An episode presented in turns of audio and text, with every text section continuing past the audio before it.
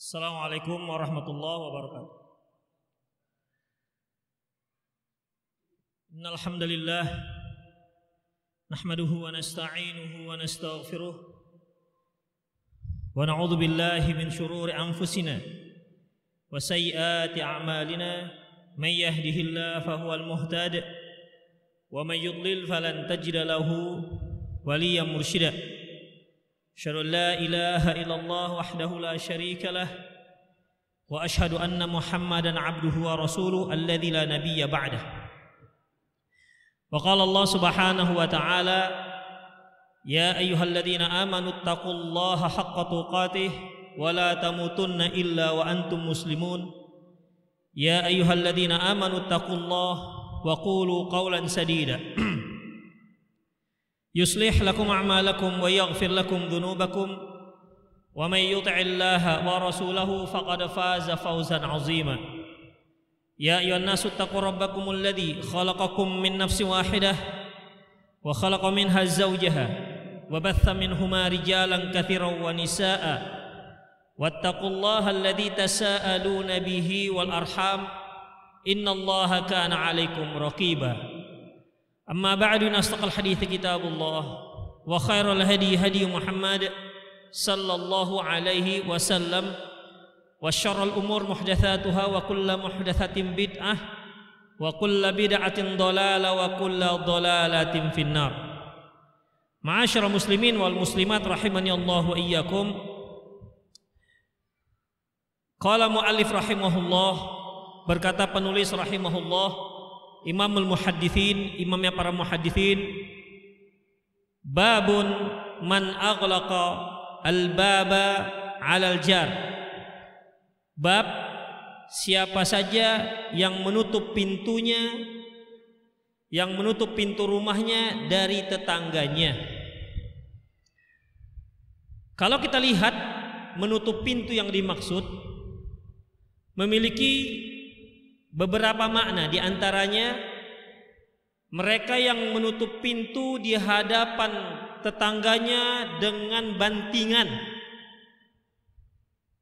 Ada orang nutup pintu pelan. Ada banting. Kalau antum lagi kesal dengan orang tua, banting pintu. Itu apa apa apa maksudnya? Oh, lagi ngetes pintu Ustadz. Bagus apa enggak pintunya gitu? Tentu tidak demikian itu adalah ekspresi kekecewaan. Kekecewaan kita terhadap satu sikap. Kalau seorang suami banting pintunya, berarti ada yang membuat dia kecewa. Sehingga dia membanting pintu sebagai ungkapan kekecewaan. Kalau hal itu dilakukan pada tetangga, berarti bukan hanya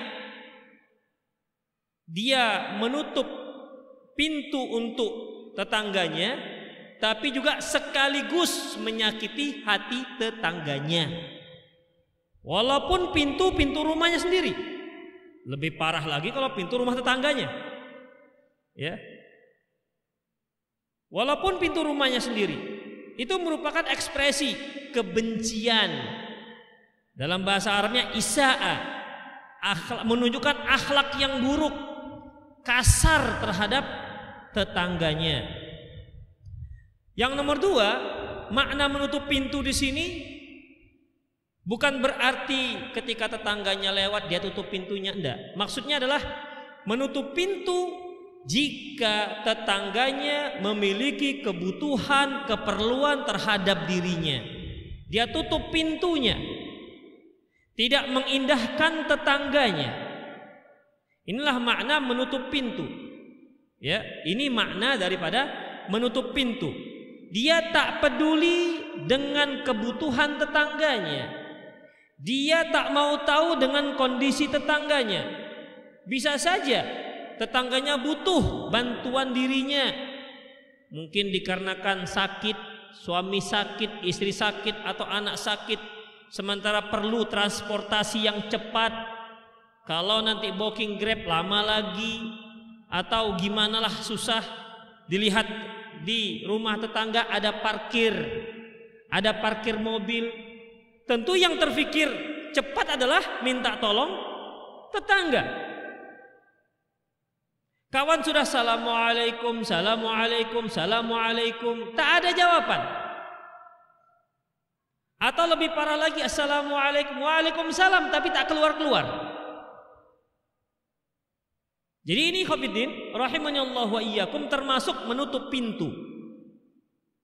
Menutup pintu, bukan berarti pintunya tadi terbuka, datang tetangganya ditutup, nggak begitu maksudnya. Ya. Dia tidak memperdulikan kondisi tetangganya.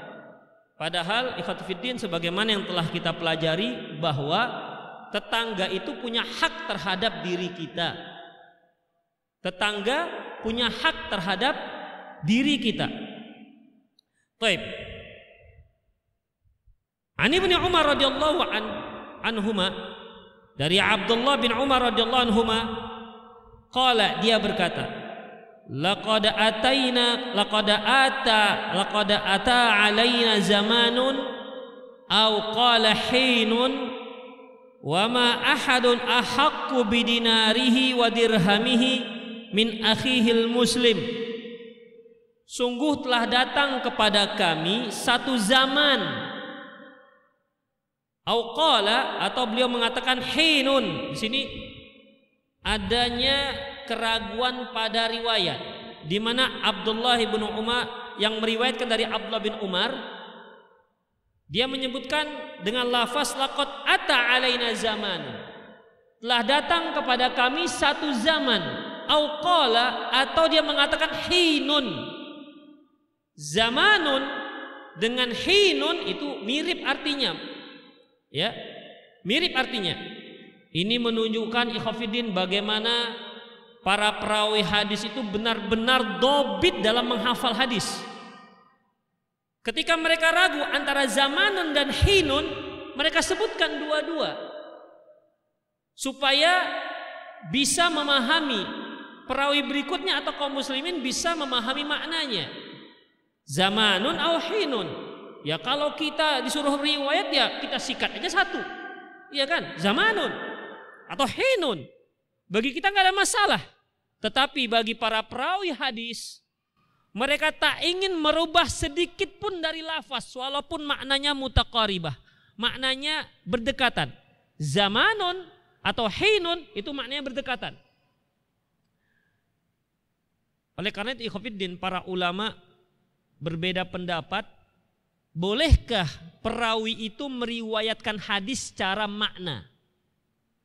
Tidak secara lafaz. Kalau lafaz itu kan apa yang didengar oleh Rasul dari Rasulullah begitu plek. Seperti copy paste. Tidak boleh ada yang berubah. Kalau dia mendengar dari Rasulullah sallallahu alaihi wasallam, "Innamal a'malu binniyah." Wa inna malikul limri wa dan seterusnya. Maka dari awal dari sahabat sampai yang menulis periwayat hadis seperti Imam Bukhari, Imam Abi Daud, Imam Muslim, Ibnu Majah tidak boleh ada berubah lafaz sedikit pun. Itu luar biasa ikhwatiddin. Makanya periwayatan hadis seperti ini hanya ada dalam Islam. Tak berubah lafaz. Gak tanggung ini Khofiddin. Makanya salah satu syarat dalam meriwayatkan hadis dan hadis tersebut bisa diklaim hadis yang sahih, perawi harus cerdas dan takwa. Takwa saja nggak cerdas belum. Takwa saja tak cerdas belum. Apalagi cerdas tapi nggak takwa lebih parah. Mengapa demikian ikhwafiddin? Kenapa takwa harus diiringi dengan kecerdasan? Banyak orang yang takwa tapi kurang cerdas. Diriwayatkan kepada dia misalnya, saya mau pergi ke pasar. Nanti diriwayatkan kepada yang lain, saya mau pergi ke mall. Bisa saja itu terjadi. Namanya juga takwa tapi nggak cerdas. Kan banyak orang yang soleh, masya Allah. Dia tidak bermaksud untuk berdusta, tapi lupa. Ah lu apa yang dikatakan tadi ya? Nah, macam kita kita sekarang lah. Kan sering lupa. Dibacakan hadis lupa, bacakan hadis lupa. Itu dia ikhafiddin. Hafal Quran satu juz, lupa dua juz. Itu kan namanya bukan maksud kita mau melupakan, bukan maksud kita mau berbohong, enggak, tapi yang namanya lupa gimana? Ya kan? Yang namanya lupa mau bilang apa lagi? Terkadang kita hafal hadis. Satu hadis mantap hafalnya. Ketika ada orang meminta, "Pak, tahu nggak hadis ini?" Alah, apa tak Sudah ku hafal kemarin. Begitu, lupa lafaznya. Lafaznya kira-kira begini, nah, begitu kan. Antum sering dengar ustadz-ustadz begitu kan? Uh, uh, uh, uh, lupa yang artinya itu dia. Itu artinya apa? Lupa. Makanya ikhafiddin. Kalau kita sekarang jadi perawi, doif semua lah hadis ini. Pada bedoifan hadis ini. Kenapa? Berubah-ubah hafalannya. Berubah-ubah lafaznya. Jadi harus dia bertakwa dan harus cerdas di mana apa yang dia dengar tak berubah sedikit pun. Sampai dia mengabarkan kepada yang lainnya. Mengapa cerdas harus bertakwa juga? Karena banyak orang cerdas kalau tidak diiringi takwa nanti dia berbohong. Orang bodoh berbohong beda dengan orang pintar berbohong. Orang bodoh berbohong ketahuan kali. Orang pintar berbohong watak dia. Ya, dia pandai berakting. Dia yang menzolimi, nanti dia mengungkapkan sesuatu seolah-olah dia yang terzolimi. Ini apa namanya sekarang flying apa? Victim apa? Itulah pokoknya flying victim tak apalah pokoknya. Begitu. Itu orang cerdas. Cerdas membohongin orang. Jadi jadi ikhwatiddin Allah wa iyyakum dalam meriwayatkan hadis harus dua. Apa itu? Harus takwa dan harus cerdas. Itu dia. Baik. Apakah boleh meriwayatkan hadis dengan makna? Ada khilafiyah di kalangan para ulama. Sebagian mengatakan tak boleh. Mengapa demikian? Karena lafaz yang diucapkan Rasulullah beda dengan lafaz-lafaz yang lain. Rasulullah Shallallahu Alaihi Wasallam mengatakan bahwa uti tu jawami al kalim. Aku diberikan jawami al kalim itu mukjizat Rasulullah. Bahasanya singkat namun maknanya padat. Bahasanya singkat namun maknanya padat. Kita sehari ngomong artinya cuman sedikit singkat. Ngomongnya panjang. Simpulan sedikit aja. Apa itu? Boleh gitu aja. Menerangkannya sudah satu jam lebih. Itu dia bedanya dengan kita. Oleh karena itu kalau dilafaz diriwayatkan dengan makna dikhawatirkan pemilihan lafaz itu enggak sesuai dengan apa yang lafaz yang dipilihkan oleh Rasulullah Sallallahu Alaihi Wasallam. Itu ikhwafiddin. Makanya Rasulullah pernah mengatakan min fikhir rojul di antara tanda-tanda fakihnya seseorang yaitu kalau dia berkhutbah kalau dia berkhutbah khutbah Jumat maksudnya khutbahnya pendek salatnya panjang itu dia itu menunjukkan orang ini fakih dalam dalam ilmunya sebaliknya yang tidak fakih khutbahnya panjang salatnya pendek itu dia. Mengapa makna ini adalah fakih? Karena ikhafidin seorang yang dalam ilmunya ketika dia memberikan khutbatul jumaah dia akan memilih bahasa-bahasa lafaz-lafaz yang padat, yang singkat dan padat syarat dengan makna. Sehingga gak perlu lama-lama dia berkhutbah sudah sampai isi yang akan dia sampaikan. Tetapi yang nggak fakih sedikit intinya tapi dia terlalu banyak ngomongnya. Itulah ikhwafiddin rahimani Allah wa iyyakum.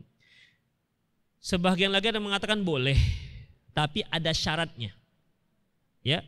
Sebagian lagi ada mengatakan boleh, tapi ada syaratnya. Saya bacakan beberapa syarat. Pertama syarat yang terkait dengan dengan perawi sendiri. Orang yang memerawikan terkait dengan perawinya. Perawi tahu kan? Orang yang meriwayatkan. Yang kedua terkait dengan apa yang diriwayatkan. Maksudnya e, kalimat yang akan diriwayatkan. Adapun terkait dengan perawi, si perawi ini harus benar-benar faham dengan bahasa Arab dan faham dengan kandungan makna lafaz. Kalau enggak enggak boleh. Ya. Kalau tidak enggak boleh. Karena dikhawatirkan ketika dia meriwayatkan dengan makna, dikhawatirkan ketika dia meriwayatkan dengan makna nanti makna lafaz itu yang terkandung dalam lafaz itu berbeda dengan apa yang diinginkan Rasulullah SAW. Saya berikan contoh ikhwafiddin. Allah Subhanahu wa taala mengatakan dalam Al-Qur'an tentang sifatnya. Huwal awwalu wal akhiru wal zahiru wal batinu. Huwal awwalu wal akhiru. Apa artinya? Huwal awwalu apa artinya? Dia yang yang pertama, dia yang maha pertama. Wal akhiru dan yang paling akhir. Dan yang paling akhir. Tapi Imam At-Tahawi dalam kitab Aqidah Tahawiyah menyebutkan dengan lafaz yang lain. Allah itu sebagai makna lain daripada huwal awwalu yaitu qadimun bila betidak. Itu dia mengartikan awal. Dia ambil lafaz yang lain qadimun bila betidak. Allah itu lama dan tidak ada awal mulanya. Daimun tetap ada bilantiha tapi tak ada akhir. Inilah yang diartikan dari yaitu dari akhir. Huwal awalu dia yang maha pertama diartikan kodimun bila tidak lama tidak ada mulanya. Akhiru wal akhiru yang maha akhir diartikan yaitu dengan bahasa lain daimun tetap ada bilantiha takkan pernah ada usainya. Cocok kan sebenarnya. Iya kan? Tapi para ulama tidak setuju. Para ulama nggak setuju, ikhwatiddin. Mengapa demikian? Wal awwalu itu adalah lafaz dari Allah Subhanahu wa taala. Ya.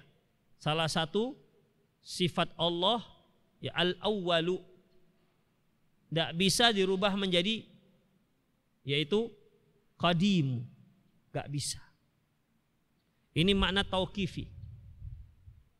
Begitu ikhwafiddin. Begitu hati-hatinya para ulama. Padahal kalau kita orang Indonesia udah pas sekali itu. Jangankan orang Indonesia, orang Arab pun banyak udah pas. Imam At-Tahawi rahimahullah ya, terlepas dari kehebatan keagungan ilmu beliau, tapi dalam masalah ini dia dikritik oleh para ulama karena menggunakan lafaz lain untuk nama dan sifat Allah Subhanahu wa taala. Ikhwatiddin rahimanallahu wa iyyakum. Baik. Oleh karena itu yang meriwayatkan dengan makna harus mengetahui benar-benar lafaz penggantinya itu benar-benar mirip dengan ataupun sama dengan lafaz yang diriwayatkan oleh Rasulullah SAW. Yang kedua, Allah yakuna hafizan lil hadisi hina adaihi lahu ketika dia mau menyampaikan ke yang lain lupa. Lupa. Dia mau menyampaikan lupa. Di saat kalau di saat itu dia hafal maka tidak boleh dia riwayatkan dengan makna. Harus persis dengan makna. Tapi qadarullah masyafa'ala dia lupa. Maka saat itu dibolehkan. Dengan catatan kembali kepada yang pertama tadi dia memilih bahasa penggantinya itu bahasa yang tidak tidak memalingkan dari makna yang awal. Kemudian yang terkait dengan isi riwayat hadisnya. Syaratnya ikhwafiddin bukan masalah haram dan haram, hal dan haram. Tidak ataupun bukan terkait dengan masalah halal dan haram. Sehingga gara-gara melafazkan makna, meriwayatkan makna akhirnya bisa merubah mengharamkan yang halal dan mengharamkan yang mengharamkan yang halal dan menghalalkan yang haram. Maka tak dibolehkan. Yang kedua, ini periwayatan sebelum tercatatnya hadis. Sebelum tercatatnya hadis. Ya sebelum hadis dicatat, dikumpulkan kan banyak masih dalam hafalan-hafalan para para ulama. Yang ketiga ikhwatiddin tidak dalam nas-nas yang sifatnya tauqifi. Tidak dalam nas-nas yang sifat tauqifi. Artinya tidak dia meriwayatkan dengan makna di mana lafaz tersebut tidak boleh dirubah sama sekali. Seperti kalau dia meriwayatkan zikir. Ya. Dia meriwayatkan zikir. Contohnya ikhwatiddin. Ketika dia masuk WC, misalnya nih, Masuk WC kan ada lafaz khusus tertentu. Tidak bisa tidak bisa diganti dengan makna lain. Seperti Allahumma inni a'udzubika minal khubusi wal khaba'is. Khubusi wal khaba'is apa artinya?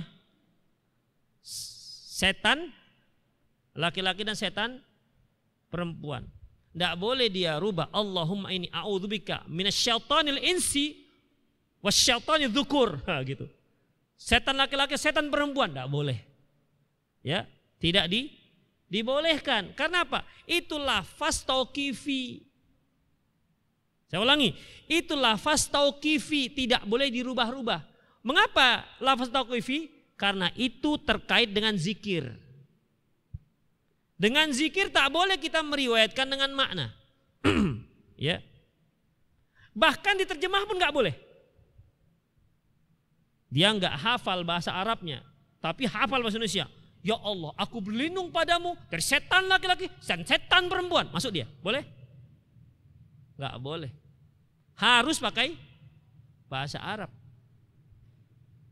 Dia mau tidur, ataupun dia mau makan, atau dia lupa, dia makan, lupa baca Bismillah. Bacaannya apa orang yang lupa? Bismillahi awalahu wa akhirahu. Gak hafal dia. Gak hafal. Akhirnya dia baca Bismillah dari awal sampai akhir. Gak boleh. Ya. Padahal artinya kan sama. Tapi karena ini zikir gak dibolehkan. Apalagi sholat. Allahu Akbar. Susah dia baca Allahu Akbar. Kebetulan dia orang Padang, Allah gadang bana. Nanti orang Betawi, ih Allah gede banget. Gak boleh kafidin. Gak sah sholatnya. Kenapa? Ini lafaz tauqifi. Tidak boleh dirubah ke bahasa yang lain. Karena itu merupakan doa-doa yang muqayyad. Yang terkait dengan lafaz dan terkait dengan tempat. Itulah dia ada beberapa syarat. Kita lanjutkan hadis. Laqad ata alaina zamanun au qala hinun telah datang kepada kami satu zaman atau satu waktu wa ma ahadun ahaqqu bidinarihi wa dirhamihi min akhihi Sungguh tidak ada seorang pun yang lebih berhak terhadap hartanya dan uangnya. Artinya terhadap dinar dan dirham, terhadap uangnya min akhihil muslim melebihi saudaranya saudara saudaranya se, seagama sendiri. Artinya dia punya duit ini. Maka yang lebih berhak terhadap duitnya itulah temannya. Bayangkan ikhwafiddin. Dan inilah karakter sahabat zaman dahulu. Makanya tidak ada yang bisa menyaingi para sahabat.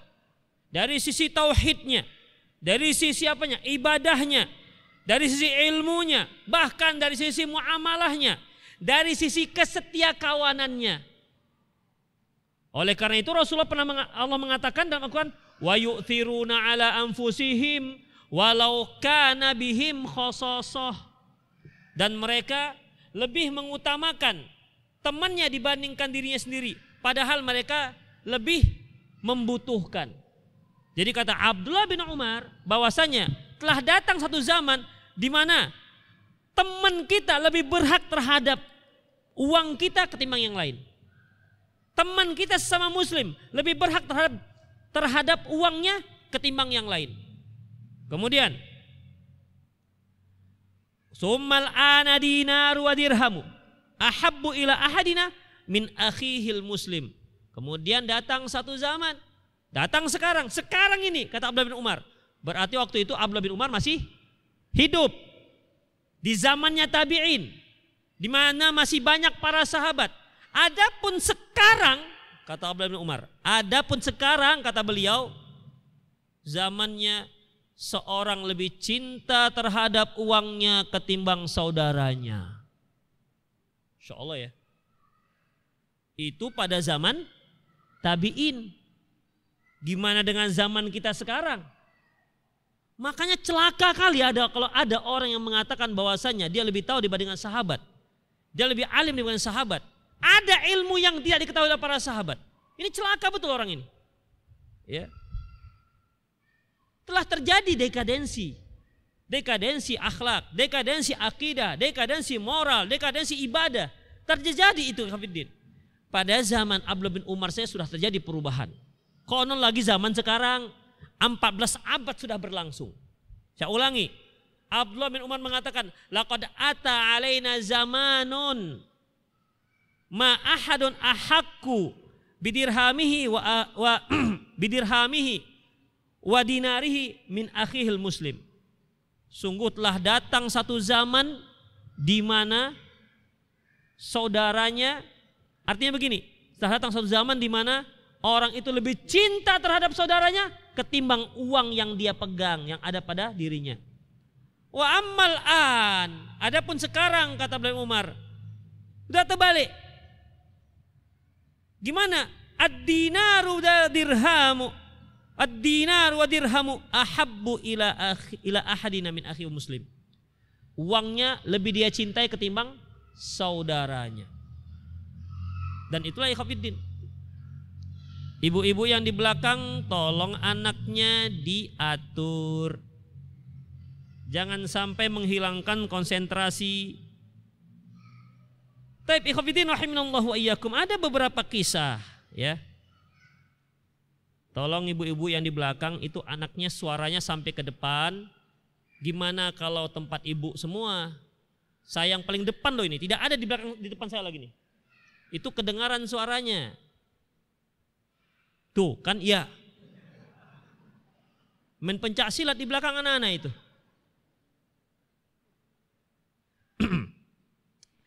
Ikhwafidin Allah yang saya berikan beberapa contoh. Satu contoh misalnya. di mana dari Abi Hurairah radhiyallahu anhu bahwasanya Nabi bahwa seorang datang kepada Nabi sallallahu alaihi wasallam dia berta, dia berkata bahwasanya salah seorang istrinya mereka mengatakan laki-laki ini dengan mengutus istrinya dia katakan kami nggak punya air ya Rasulullah. Kami tak punya air kemudian uh, Rasulullah Sallallahu Alaihi Wasallam yang nggak punya air nggak punya makan juga Kemudian Rasulullah SAW mengatakan coba kamu bertamu ke sana tuh. Nah, Rasulullah berarti nggak punya dia waktu itu. Ya Rasulullah kami nggak punya apa-apa ya Rasulullah. Oke, kamu pergi ya ke sana. Baik, pergilah. Tamu ini ke tempat yang ditunjukkan oleh Rasulullah Sallallahu Alaihi Wasallam. Kemudian ternyata setelah tamu ini diterima, si suami mengatakan pada istrinya lah, Dek, ada makanan apa ini untuk tamu? Apa kata istrinya?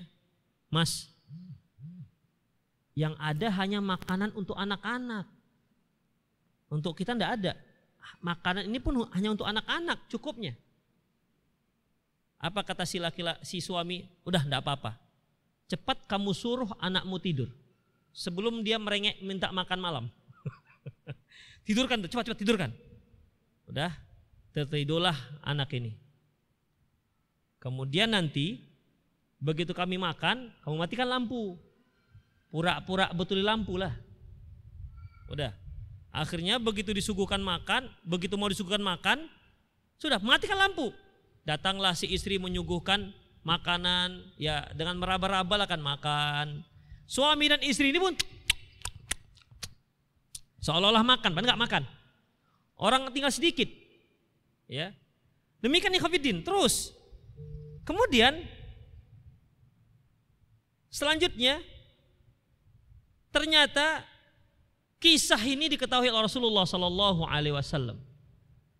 Kisah ini diketahui oleh Rasulullah SAW. Faqala dohikallahu lail. Aw ajima min fi'likuma.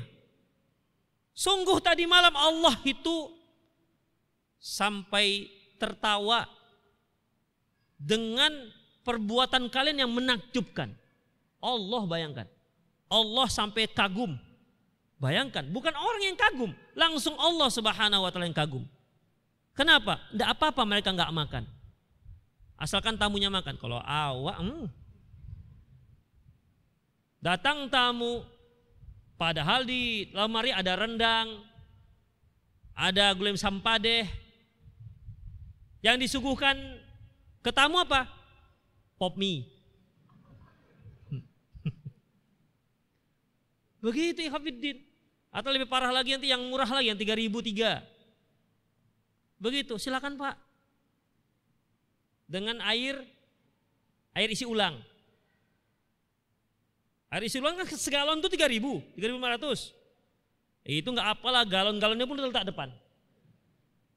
Padahal dia punya teh, punya gula, punya susu, punya jus. Kenapa disuguhkan yang itu? Kalau nggak sempat lagi ceritanya. Ini dikarenakan bakhil, bakhil, kikit, kedekot, pelit, sempilit kata orang Padang. Makanya orang pelit itu nggak ada bahasa yang yang indah. Pelit. Orang Malaysia bilang kedekut. Ah? Koret. Nah, bahasa apa itu? Bahasa Bandung, kuret, koret. Tuh, ada lagi bahasa yang lebih indah untuk orang pelit. Kikir, cek, eh, ceker, cek. Nah, demikian. Itulah ikhafidin. Ya seharusnya dia nggak seperti itu. Tapi ini masya Allah, ndak apa-apa tamunya. Tamunya makan, asalkan dia dia nggak makan ndak apa-apa. Ini yang disebut Allah subhanahu yang disebut Rasulullah yaitu Mangkana yu'minu billahi wal yaumil akhir falyukrim dhaifahu. Barang siapa yang beriman terhadap Allah dan hari akhirat, hendaklah dia muliakan tetangganya. Kita kembali pada hadis. Dahikallahu lailah. Tadi malam Allah tertawa, kata Rasulullah. Eh, tapi jangan, jangan samakan tertawanya Allah dengan tertawanya kita. Ya. Rasulullah mengatakan Rasul Allah itu tertawa. Oh, sama dong. Begini. Gak boleh. Kufur bagi saya mengatakan begitu. Karena Allah Subhanahu wa taala mengatakan walam yakullahu kufuwan ahad. Tidak ada satupun yang sama dengan Allah Subhanahu wa taala. Laisa kamisli syai. Tidak ada satupun yang sama dengan Allah. Wa huwas samiul basir. Allah itu Maha mendengar lagi Maha mengetahui. Fa'anzalallah maka turunlah firman Allah wa yu'thiruna ala anfusihim walau kana bihim khasasah mereka lebih mengutamakan orang lain ketimbang diri mereka sendiri, padahal mereka juga membutuhkan. Itulah turun ayat, yaitu surat Hasyar ayat 9. Ada riwayat yang lain ikhwafiddin, ketika dari Anas bin Malik, ketika orang-orang muhajirin datang ke Madinah, datang ke Madinah itu sambutan orang Ansor luar biasa. Ya, Sambutan orang Ansar itu luar biasa. Apa saja mereka kasihkan. Mau apa? Apa? Jadi ini harta saya, silahkan pakai. Ini luar biasa ya Khafidin. Sampai-sampai orang muhajir mengatakan, ya Rasulullah belum pernah ada kaum seperti ini penyambutannya. Sampai-sampai kami khawatir mereka borong, borong semua pahala. Gitu. Sampai-sampai kami khawatir ini mereka borong semua pahala ini. Kami apa apa bahagian kami orang-orang yang yang hijrah. Jadi para Ansor ya ikhwafiddin, orang-orang Ansor ketika datang orang muhajirin ke Madinah disambut oleh orang-orang Ansor. Itu dia, disambut oleh orang Ansor. Mereka memberikan pelayanan luar biasa. Sampai-sampai ikhwafiddin Abdurrahman bin Auf ketika datang ke kota Madinah tidak bawa apa pun padahal Abdurrahman bin Auf orang yang dikenal saudagar kaya di Mekah. Datang ke Madinah, gak punya apa-apa. Apa kata saudaranya yang menyambut dia? Akhi, silahkan kamu mau butuh uang berapa? Silahkan ini saya punya istri dua. Kamu pilih siapa yang kamu mau. Salah satunya. Pilih. Kalau kita kan bukan milih, kalaupun mau memberikan. Pilih mana kayak agak-agak agak-agak udah ada agak-agak kendur-kendur, agak-agak warnanya sudah mencoklat gitu kan. Nah, kamu ini aja ya. Ini enggak. Kamu pilih itu siapa di antara mereka yang kamu suka. Sampai begitunya. Makanya luar biasa. Enggak bisa kita enggak bisa kita menandingi para sahabat. Ini cerita-cerita gini nih macam mimpi kalau kita sekarang. Mimpi. Misalnya ada teman kita hijrah dari Jawa. Kita punya rumah dua rumah. Silakan kamu mau tinggal di mana rumah saya ambil satu. Wih, ini udah punah nih orang kayak gini nih. udah nggak ada lagi, udah punah. Insya Allah kan. Ini kalau kita alam sekarang udah mimpi udah. Gak ada lagi stoknya kayak gini nih di alam. Udah susah carinya. Kalaupun ada nggak tahu tadi mana. Begitulah luar biasanya para sahabat dahulu. Bagi mereka uang tuh nggak ada hartanya dibandingkan temannya, dibandingkan saudaranya sesama sesama muslim. Ya memang terjadinya dekadensi ini bukan hanya orang yang memberi, orang yang meminta juga sudah terjadi perubahan. Ada yang minta tapi dia bohong. Pak, saya ada kebutuhan. Kenapa? Istri saya melahirkan, saya mualaf, kemudian anak saya tabrakan dam truk, segala macam. Kemudian itu mereka semua ada di Pekanbaru. Saya tadi malam kau tahuan datang ke masjid minta uang sekian, tolonglah saya. Dibantulah. Malam-malam, kapan mau berangkatnya bang? Malam ini pak, insya Allah masuk. Sedihlah dia pakai-pakai tangisan-tangisan Bombay gitu. Ya tentu kita kasihan. Dikasihlah uang sekian juta. Udah. Eh besoknya masih nampak. Dia apa? Di masjid lain. Akhirnya ini berarti kita harus hati-hati. Ketika hilang kejujuran, maka yang memberi juga menjadi hati-hati. Betul nggak ini? Sama dengan hutang ikhwafiddin. Sebenarnya apalah salahnya? Saya punya uang 100 juta. Misalnya, enggak terpakai. Ada teman saya mau pakai. Silakan kamu pakai setahun. Iya kan? Toh uang saya juga kembali utuh. Saya belum pakai, Permasalahannya sekarang kalau uang sudah lepas tak balik. itu permasalahannya. Makanya muncul bank-bank ribawi itu. Itu hukuman dari Allah Subhanahu wa taala. Ketika kita tak jujur. Itu hukumannya. Akhirnya apa? Setiap ada orang berhutang, gimana? Iya apa enggak ini? Iya apa enggak? Kita bukan enggak mau bantu, kita mau bantu. Tapi balik enggak ini? Sehingga muncul kaedah udahlah kasih aja.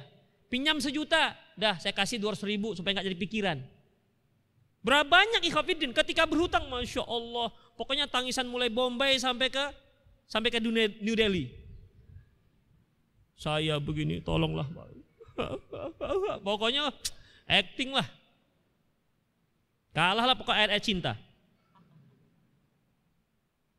Jadi bagaimana ikhafidin? Setelah dia dapati sampai waktu pelunasan kita minta dia lebih marah dibandingkan kita.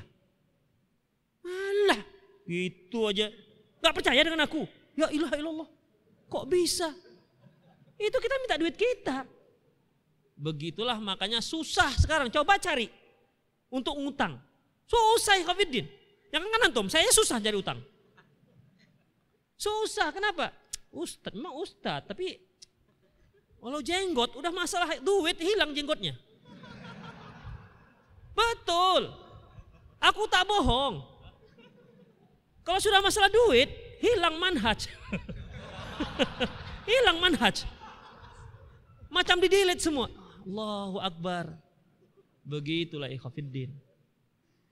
Itulah akibatnya. Akhirnya apa?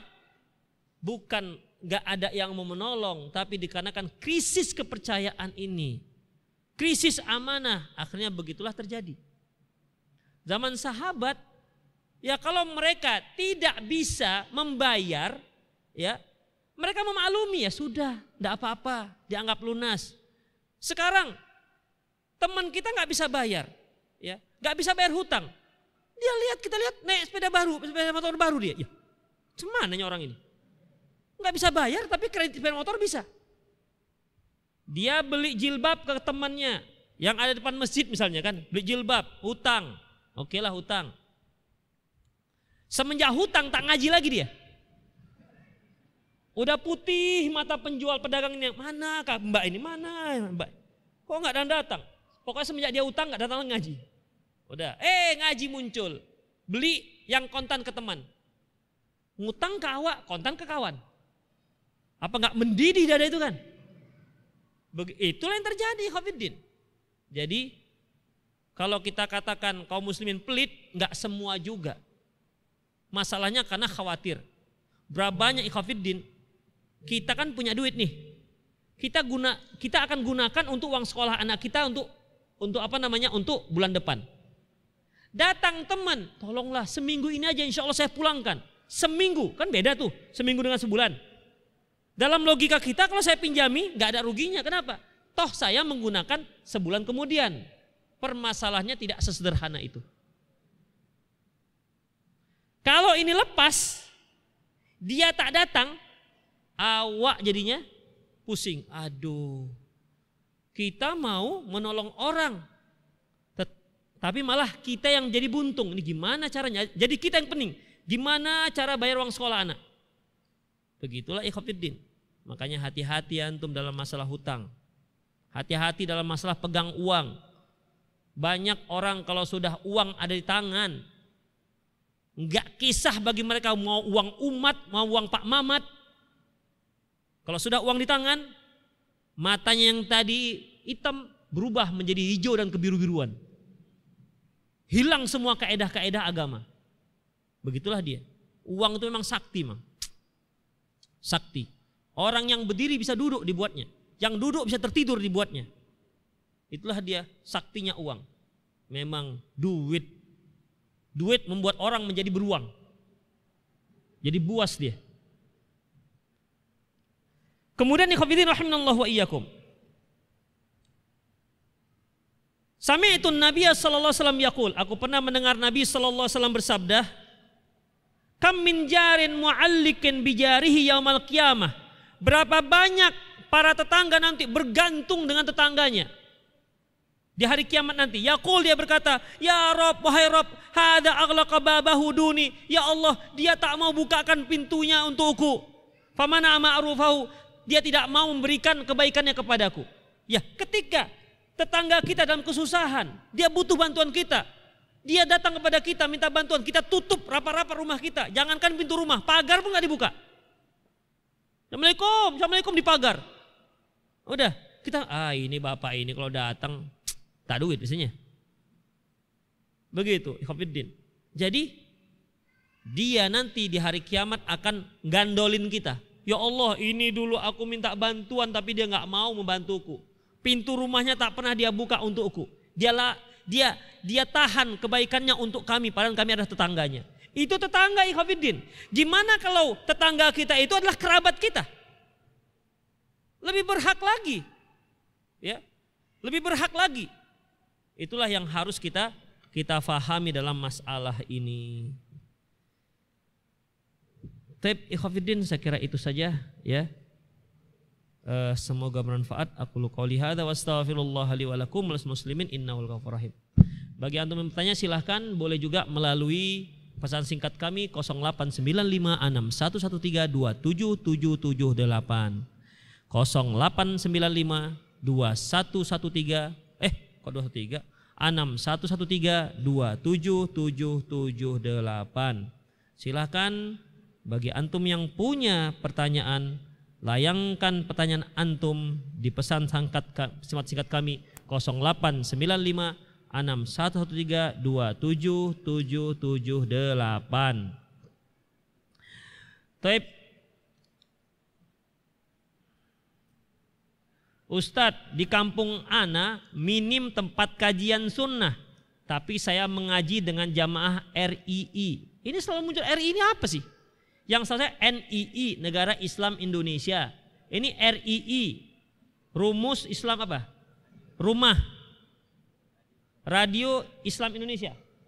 Ya. Radio Islam. Jadi radio apa?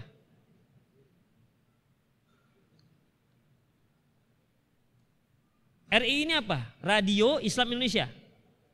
Iya, ini apa? Streaming. Streaming. Apa isinya rupanya? Kalau dia terkait dengan yang suka tahzir-tahziran, delete aja udah. Di delete, diblokir, plak. Karena hanya akan membuat fitnah. Ya. Karena hanya akan membuat fitnah tengah-tengah masyarakat. Antum nggak akan bisa membedakan mana yang baik dan mana yang buruk dari mereka. Tidak bisa antum ambillah yang baik, buanglah yang buruk. Nanti peristiwa pancake yang kemarin tuh yang saya, terjadi dengan saya. Tidak usah dengar itu.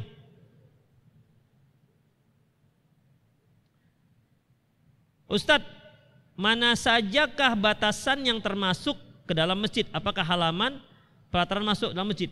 Ikhwafiddin, yang dikatakan pelataran masjid Allahu alam bisawab yang biasa dipakai untuk sholat. Ada masjid itu tak berhalaman. Udah. Ada masjid begitu dindingnya masjid langsung itu sudah nggak masjid.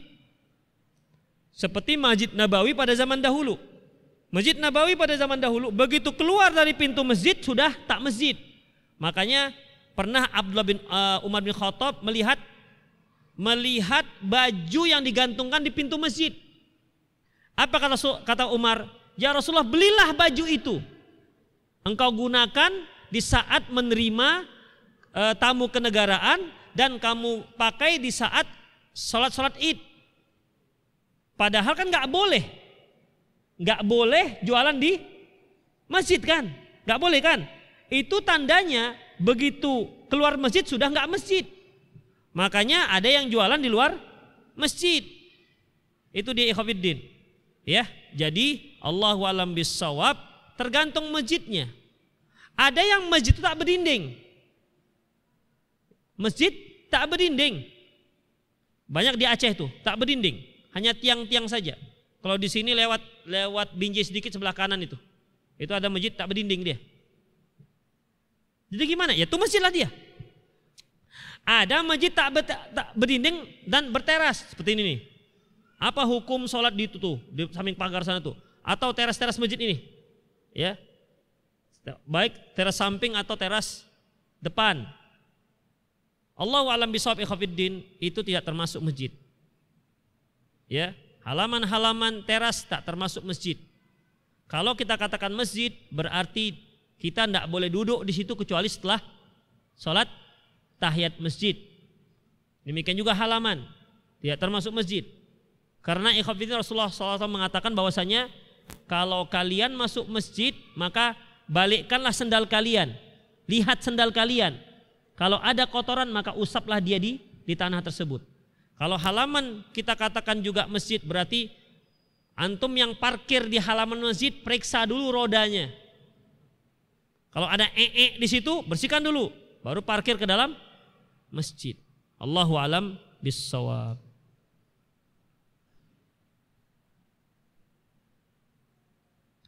Ustadz, bolehkah berdoa dalam sholat dalam bahasa Indonesia? Ini masalah khilafiyah ikhafiddin.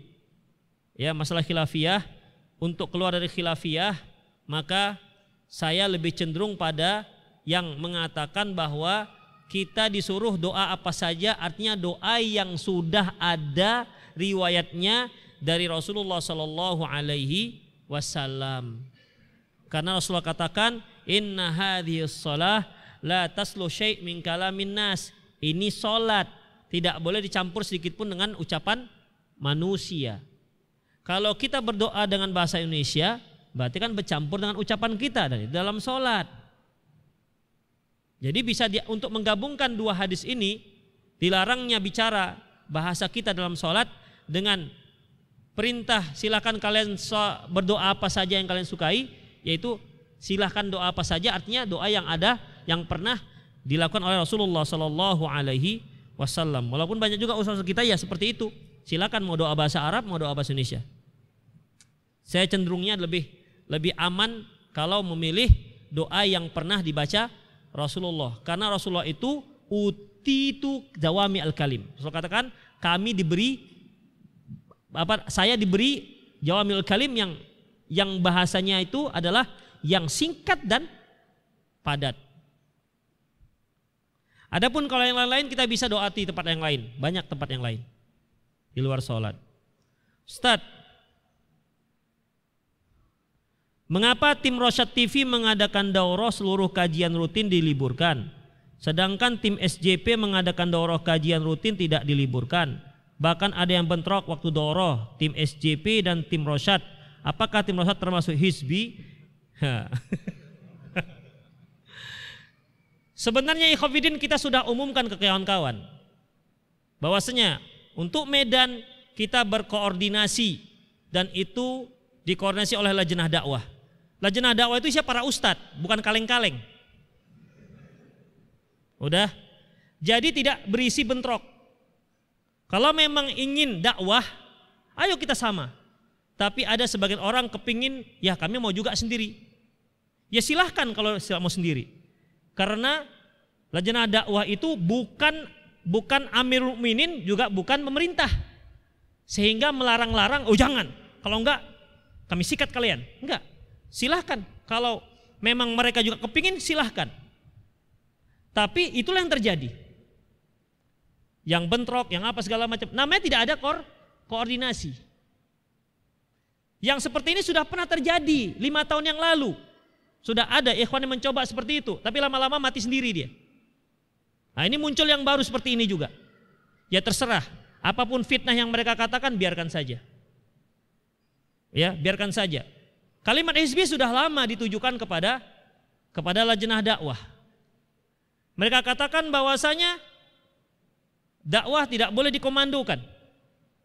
Coba antum tanya para ustadz, pernah nggak ada dikomandoin? Kamu harus begini begini, begini. Tapi itulah tuduhan-tuduhannya. Biasa. Seperti paling victim gitu. Mereka yang membuat isu, mereka seolah yang yang apa namanya terzolimi. Itu dia ikhwafiddin. Biarkan saja. Ya, biarkan saja. Dan memang kita tidak biasa menanggapi yang begitu.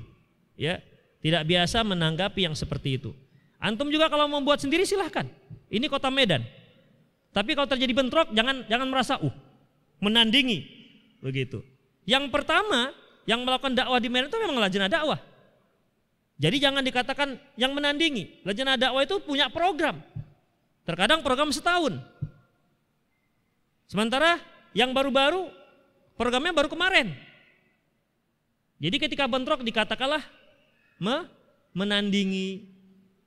Tapi orang punya mulut terserah dia. Masing-masing nanti akan dipertanggungjawabkan di hadapan Allah Subhanahu wa taala. Yang begini-begini tidak biasa kita komentari.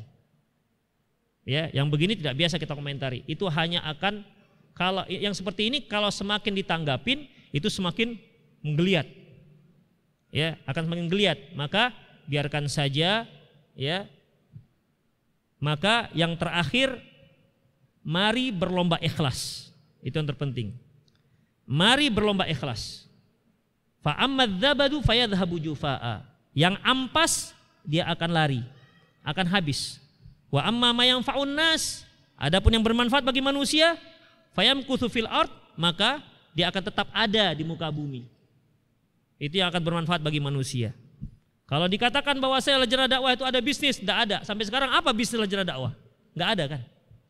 Baik travel, baik jual buku, nggak ada kan? Ya semuanya antum tahu ke mana larinya, ke mana duitnya. Demikian ikhwafiddin. Jadi sudah, antum jangan galau. Antum mau pilih mana silahkan. Masing-masing kita punya tanggung jawab di hadapan Allah Subhanahu wa taala mengenai niat. Kalau masalah ustadznya yang yang datang, mereka nggak ngerti dengan kondisi Medan. Namanya ustadz luar. Ya. Menurut antum mana yang lebih paham dengan kondisi dakwah? Ustadz Medan lahir di Medan, besar di Medan, tua di Medan, atau dengan ustadz yang sebulan sekali datang, sebulan sekali pun enggak, mungkin setahun hanya dua kali. Mana lebih paham? Nah demikian. Tapi kan yang namanya lisan itu kan bisa-bisa saja. Yang enggak apa-apa. Enggak biasa, biasa itu. Kalau dikatakan bahwasanya kalau Rosat TV yang buat, yang lain libur. Anda mana nggak tahu saja. Saya aja ada buat kajian ketika ada daurah. Kan antum nggak tahu saja. Yang antum tahu kan yang ada di apa namanya yang di, di diumumkan. Sering itu terjadi. Kita lagi dakwah, saat Joko ada kajian. Karena antum nggak tahu aja. Kemudian bagi ustadz yang udahlah saya libur, itu itu kehendak ustadznya sendiri. Tidak pernah kita kata semua kajian harus diliburkan. Nggak ada. Ya, itu kehendak ustadznya masing-masing. Makanya saya pernah ngaji, sementara ada daurah. Ustadz lain juga pernah ngaji, ustadz lain ada ada daurah. Hanya namanya juga yang medeu ini kan tahunya di bawah-bawah. Dia duduknya nggak di atas. Ibarat presiden, dia tahu kondisi-kondisi. Tapi yang bawah kan tahunya ketika naik BBM, lapar pak naik BBM, gitu kan? Dia kan nggak tahu kondisi-kondisi yang lain. Begitu. Jadi antum bagaimana sikap antum? Antum doa pada Allah, minta hidayah kepada Allah, ya Allah mana yang benar. Ikuti mana yang benar dan tidak ada paksaan bagi antum milih mana pun. Karena ustadz yang datang itu ustadz ahlu sunnah wal jamaah. Bukan ustadz hizbiyah. Itulah lebih kurang. Ya, Jadi tenang, jangan baper.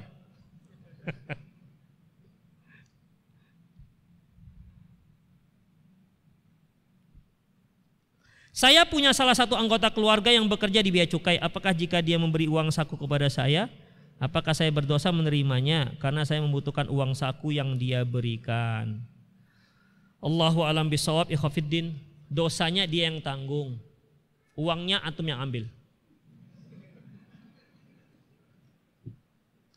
Ustadz, apa hukumnya bergerak dalam sholat ketika mematikan suara handphone yang hidup? Ikhafiddin, bergerak ketika sholat melebihi bergerak ketika sholat melebihi tiga kali tidak ada larangannya. Rasulullah SAW pernah lagi sholat menghadap pintu. Aisyah mau masuk, ternyata pintu terkunci dari dalam. Apa yang dilakukan Rasulullah? Rasulullah maju ke depan, buka pintu, kemudian mundur lagi ke belakang, lanjutkan sholat. Itu dia. Abu Zurah pernah lagi sholat, pegang unta, pegang kuda dia, lagi sholat menonton rontak kudanya. Karena kalau dilepas, nanti nggak nggak konsentrasi. Inilah jangan-jangan lari kudanya. Maka sambil sholat pegang kuda. Udah. Jadi apalagi Khafidin? Rasul juga menyuruh untuk membunuh dua hewan yang hitam. Seperti uh, kala jengking dan ular. Bunuh dia kata Rasulullah walaupun sedang sholat. Jadi ketika kita sholat misalnya, ada lipan lewat, boleh atau ambil sembal, matikan. Ambil sendal, matikan. Tapi kalau dia nggak nggak nggak nggak kena, jangan dikejar.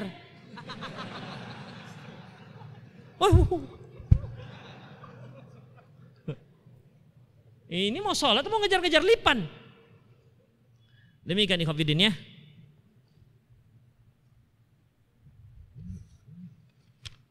Ustadz, apa ciri-ciri tangga atau saudara semuslim yang wajib kita beri bantuan? Apakah tiap muslim meskipun kita ketahui jika muslim tersebut orang yang tidak sholat? Ikhafiddin, memberi bantuan itu tidak harus kriterianya orang yang nggak sholat, orang yang sholat. Tetapi kalau dua membutuhkan, kita hanya mampu membantu yang satu, pilih yang sholat. Karena Rasul katakan, La ya'kulu ta'amaka illat taqi. Jangan sampai ada yang makan uh, makananmu kecuali orang yang bertakwa. Karena orang yang bertakwa itu ketika kita beri dia, dia akan manfaatkan untuk yang terbaik. Itu. Kalau yang nggak takwa, nanti antum bantu dia beli mercon. Hari raya bukan beli apa-apa, beli mercon. Nanti beli kembang api dia. Begitu Ikhwafiddin. Kalau dia anak gadis, beli celana sempit. Makanya la yakul ta'ama ila taqi. Jam berapa? Sekali lagi. Assalamualaikum Ustaz. Saya pernah menghutangi teman saya dan sampai saat ini belum dibayar. Terus selama ini dia sering mentraktir ana makan. Bagaimana hukumnya Ustadz? Syukron. Iya. Ini syubhat ini.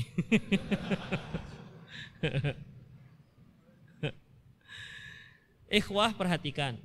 Pertama, apakah sudah sampai waktunya atau belum? Ya. Apakah sudah sampai waktunya atau belum? Kalau memang sudah sampai waktunya, maka dia lebih wajib untuk melunasi hutang ketimbang mentraktir. Melunasi hutang itu hukumnya wajib, mentraktir hukumnya sunnah. Dahulukan yang wajib. Jadi kalau antum ditraktir, akhi, kan antum punya utang, utang dulu lah dibereskan. Antum harus tahu itu, kasih tahu dia. Jangan biarkan aja salah dia lah, makan aja. salah dia, nggak begitu. Ingatkan dia, ya, ingatkan dia. Tapi kalau belum dat belum datang waktu pelunasan, antum boleh ingatkan juga. E, jangan lupa akhi ya, utang antum tinggal sebulan lagi tuh. Oh tenang. Dan antum nggak juga nggak ada akad kan sebelumnya. Ini saya kasih utang, tapi kalau antum ada duit, traktir-traktir saya makan ya, itu riba. Kalau sudah ada akad sebelumnya seperti itu. Ustadz bagaimana cara menolak secara halus ajakan paman kita untuk mengikuti jamaah tablik? Mohon penjelasan Ustadz. Menolak halus itu nggak ada keedahnya. Sehalus apa antum mau? Masing-masing orang punya cara halus sendiri-sendiri. Ada yang diajak kawannya, eh, ada pamannya. Eh, kau ikut nggak dengan jamaah bapak? Pak, sibuk aku. Itu sudah halus kali itu udah, misalnya. Udah misalnya. Jadi itu tidak ada keedahnya bagaimana caranya. Antum harus pandai-pandai mencari tapi jangan sampai bohong. Ya. Jangan sampai bohong. Yuk ikut yuk. Pak, aduh, paman ini lagi nyusun skripsi padahal masih semester 3. Kan ketahuan kali bohongnya.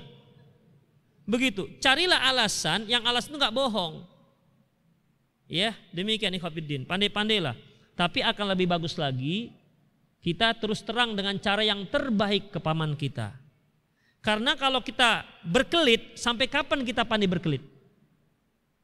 Coba. Sampai kapan kita pandai berkelit? Seperti misalnya kita nggak mau datang di walimah yang ada musik-musiknya. Yuk, ini ya datang ya. Aduh, saya ada kegiatan ini. Diundang lagi. Aduh, saya begini. Waduh, saya begini. Sampai kapan? Undangan itu tetap ada. Sampai kita mati undangan itu dari tetap ada dalam family. Sekali-sekali jelaskan. Kalau sudah dijelaskan, mereka tak akan undang lagi seperti saya. Gak ada undang lagi. Udah. Demikian. Jadi Khofiddin jelaskan saja. Jadi nggak capek kita. Setiap kali family mau apa? Mau walimah, kita yang pening. Aduh, apalagi nih alasannya? Apalagi alasannya? Begitu nggak? Iya kan? Ini di antaranya nih pening sendiri. Sampai kapan dia berkelit? Jelaskan saja. Man, paman kan, pamannya kan? Man. uh, paman kan tahu jamaah jamaah ini sesat. Nah, jangan gitulah, jangan begitu bilangnya, jangan begitu. Gak boleh begitu. Ya. Uh, kan harus begini, begini, begini. Ah gitu ikhafidin. Ya. Begitu dia. Jadi nggak boleh bilang gitu, nggak bilang nggak boleh bilang sesat ya, nggak boleh. Cari yang lebih halus bahasanya. Semoga Allah menjaga Ustadz. Saya ingin bertanya, bolehkah kita menggambar kerangka makhluk bernyawa karena tugas kuliah? Eh Khafiddin, kerangka itu bernyawa nggak? Kan kerangkanya aja kan? Menggambar kerangka. Tapi kerangka itu nyawa apa enggak? Bernyawa enggak? Ada enggak? Kalau kerangka itu bisa bernyawa dia berjalan, itu sinetron. Enggak pernah ada kerangka bisa berjalan. Jadi kerangka itu bukan Iya, kerangka itu bukan makhluk bernyawa. Enggak apa-apa antum gambar kerangka. Hukum menerima barang dari orang yang bukan mahram kita. Wah, ini dia. Ini ada orang yang ikhlas, ada yang modus. Ada dua ini. Ya. Kemudian siapa yang menerima dan siapa yang memberi? Dia ada dua. Ada beberapa bahagian. Pertama, seorang ikhwan memberi hadiah kepada yang ikhwan juga. Enggak mahram. Ya enggak ada masalah. Ini bisa enggak ada masalah. Yang penting dia ikhlas. Taib, ikhwan memberi kepada akhwat yang bukan mahram. Pertama, coba perhatikan, itu ikhwan memang tulus apa tidak?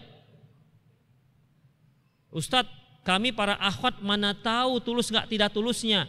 Kalau nggak tahu tolak. Kalau nggak tahu tolak. Kenapa? Karena nanti ada hut, ada udang di balik rempeyek. Itu berbahaya. Jadi tidak usah terima. Maaf akhi, terima kasih. Sebaiknya hadiah ini berikan kepada kakak antum, teman laki-laki antum, begitu. Itu dia. Kalau jelas bahwasanya dia ini apa namanya uh, ada modusnya. Tapi Ustadz dia nampak tulus loh Ustadz. Ini dia, ini ini akhwat kalau sudah kena nih. Akhwat kalau sudah kena tulus ini. Tulus Ustadz dari binar matanya Ustadz tulus sekali. Masya Allah. Udah. Ini biasanya sudah kena kena virus merah jambu dia. Hati-hati dalam masalah ini para akhwat. Tapi Ustadz, yang dia hadiahkannya buku loh Ustadz. Dia bukan masalah isi hadiahnya. Tetapi apa makna di, di, di, di sebalik daripada hadiah. Yang namanya manusia itu ikhafiddin, suka diberi hadiah. Makanya Rasulullah katakan tahadu tahabu. Saling memberi hadiahlah kalian, niscaya kalian akan saling mencintai. Jadi kalau dikhawatirkan ada fitnah di balik itu maka dilarang menerima. Sekarang ikhwafiddin, apa hukum menerima hadiah? Wajib apa enggak? Atau enggak wajib? Hah? Enggak wajib. Mubah kan? Perhatikan, Apabila seorang ikhwan memberi salam kepada seorang akhwat. Perhatikan, seorang ikhwan memberikan salam kepada orang seorang akhwat. Apa hukumnya? Memberikan salam kepada para akhwat. Apa hukumnya? Hah? Sunnah, wajib, mubah. Apa? Jawab satu, dua atau tiga? Enggak tahu antum. Hukumnya sunnah dianjurkan. Rasulullah SAW mengucapkan salam kepada para kaum ibu-ibu. Dan ibu-ibu menjawab. Tetapi apabila jika menimbulkan fitnah yang sunnah tadi menjadi tidak dibolehkan. Kenapa? Mudorotnya lebih besar ketimbang manfaatnya. Apa namanya? Daf'ul madar muqaddam ala jalbul manafi menjauhkan kemudaratan lebih diutamakan ketimbang untuk mengambil manfaat. Itulah dia ikhwafiddin. Jadi kalau menimbulkan fitnah maka nggak dibolehkan. Apalagi kalau suara akhwat itu didayu-dayukan. Itu lebih bermasalah. Assalamualaikum ukhti. Waalaikumsalam warahmatullahi wabarakatuh. Udah itu suara akhwat akan terngiang-ngiang selama seminggu. Ih, masya Allah. Padahal bercadar tuh, terbayang-bayang. Suaranya saja demikian manis, gimana orangnya? Belum tahu deh, kita buka cadar petak 16. Tapi kan suaranya itu bisa menfitnah ya Khofiddin. Suara akhwat itu, itu menarik kaum laki-laki. Ya, Makanya tidak ada laki-laki yang suka kalau akhwat itu bersuara laki, bersuara laki-laki. Assalamualaikum. Waalaikumsalam. Nah itu bakal hilang lah. Laki-laki suka akhwat yang suaranya akhwat. Sebagaimana akhwat suka laki-laki yang suaranya laki-laki. Makanya nggak ada akhwat. Assalamualaikum. Waalaikumsalam. Akhwatnya, eh, ikhwannya bilang begitu. Waalaikumsalam katanya, kata ikhwannya. Langsung ditolak oleh akhwat. Ini Laki apa perempuan ini? Atau jadi-jadian? Begitu ikhafidin ya. Jadi dilihat maslahat dan mudorotnya. Kalau kira-kira ini akan bermasalah, jangan diterima. Antum pun jangan asih akhwat aja sebagai apa namanya objek untuk diberi hadiah. Dia kepingin kali rasanya beri hadiah pada akhwat. Akhwat aja maunya. Teman-temannya rame, tapi akhwat aja bawaannya ini. Jadi ada memang ikhwan-ikhwan itu spesialis pendakwah-pendakwah untuk akhwat. Ada. Spesialisasinya itu. Saya tahun berapa ya? Tahun 2005 ada seorang ikhwan memang spesialis akhwat. Sampai akhirnya antum kalau nggak nikah jangan urus lagi kajian. Begitu. Karena udah banyak akhwat yang terfitnah. Banyak akhwat yang ter berharap seandainya dia Akhwatnya kan kalau lihat ikhwannya soleh, masya Allah, perhatian, oh sudah kelepak-kelepak dia. Itu, apalagi sering saya kasih hadiah buku, ukti, mengapa anda tidak bercadar? Wah, mengapa anda tidak berjilbab? Ukhti mari bersama ke surga. Astagfirullah. Itu sudah langsung hei. Seandainya, seandainya. karena sudah banyak jadi korban. Korban itu karena berharap, saya katakan ente jangan ngurusi masalah dakwah. Nikah. Kalau belum nikah, jangan. Dah. Semenjak itu tidak boleh, saya tidak bolehkan dia ngurusin dakwah. Demikian ini adik-adik Rosat TV gitu juga. Macam-macam dia, pecat. Lebih banyak mudorotnya. Demikianlah ikhwatiddin sudah jam 6. Semoga apa yang kita bahas bermanfaat. Aku lu qauli hadza wa astaghfirullah li wa lakum. Muslimin innahul ghafurur rahim. Subhanakallahumma wa bihamdik asyhadu an la ilaha illa anta astaghfiruka wa atubu. Wa akhu da'wana alhamdulillahi alamin. Assalamualaikum warahmatullahi wabarakatuh.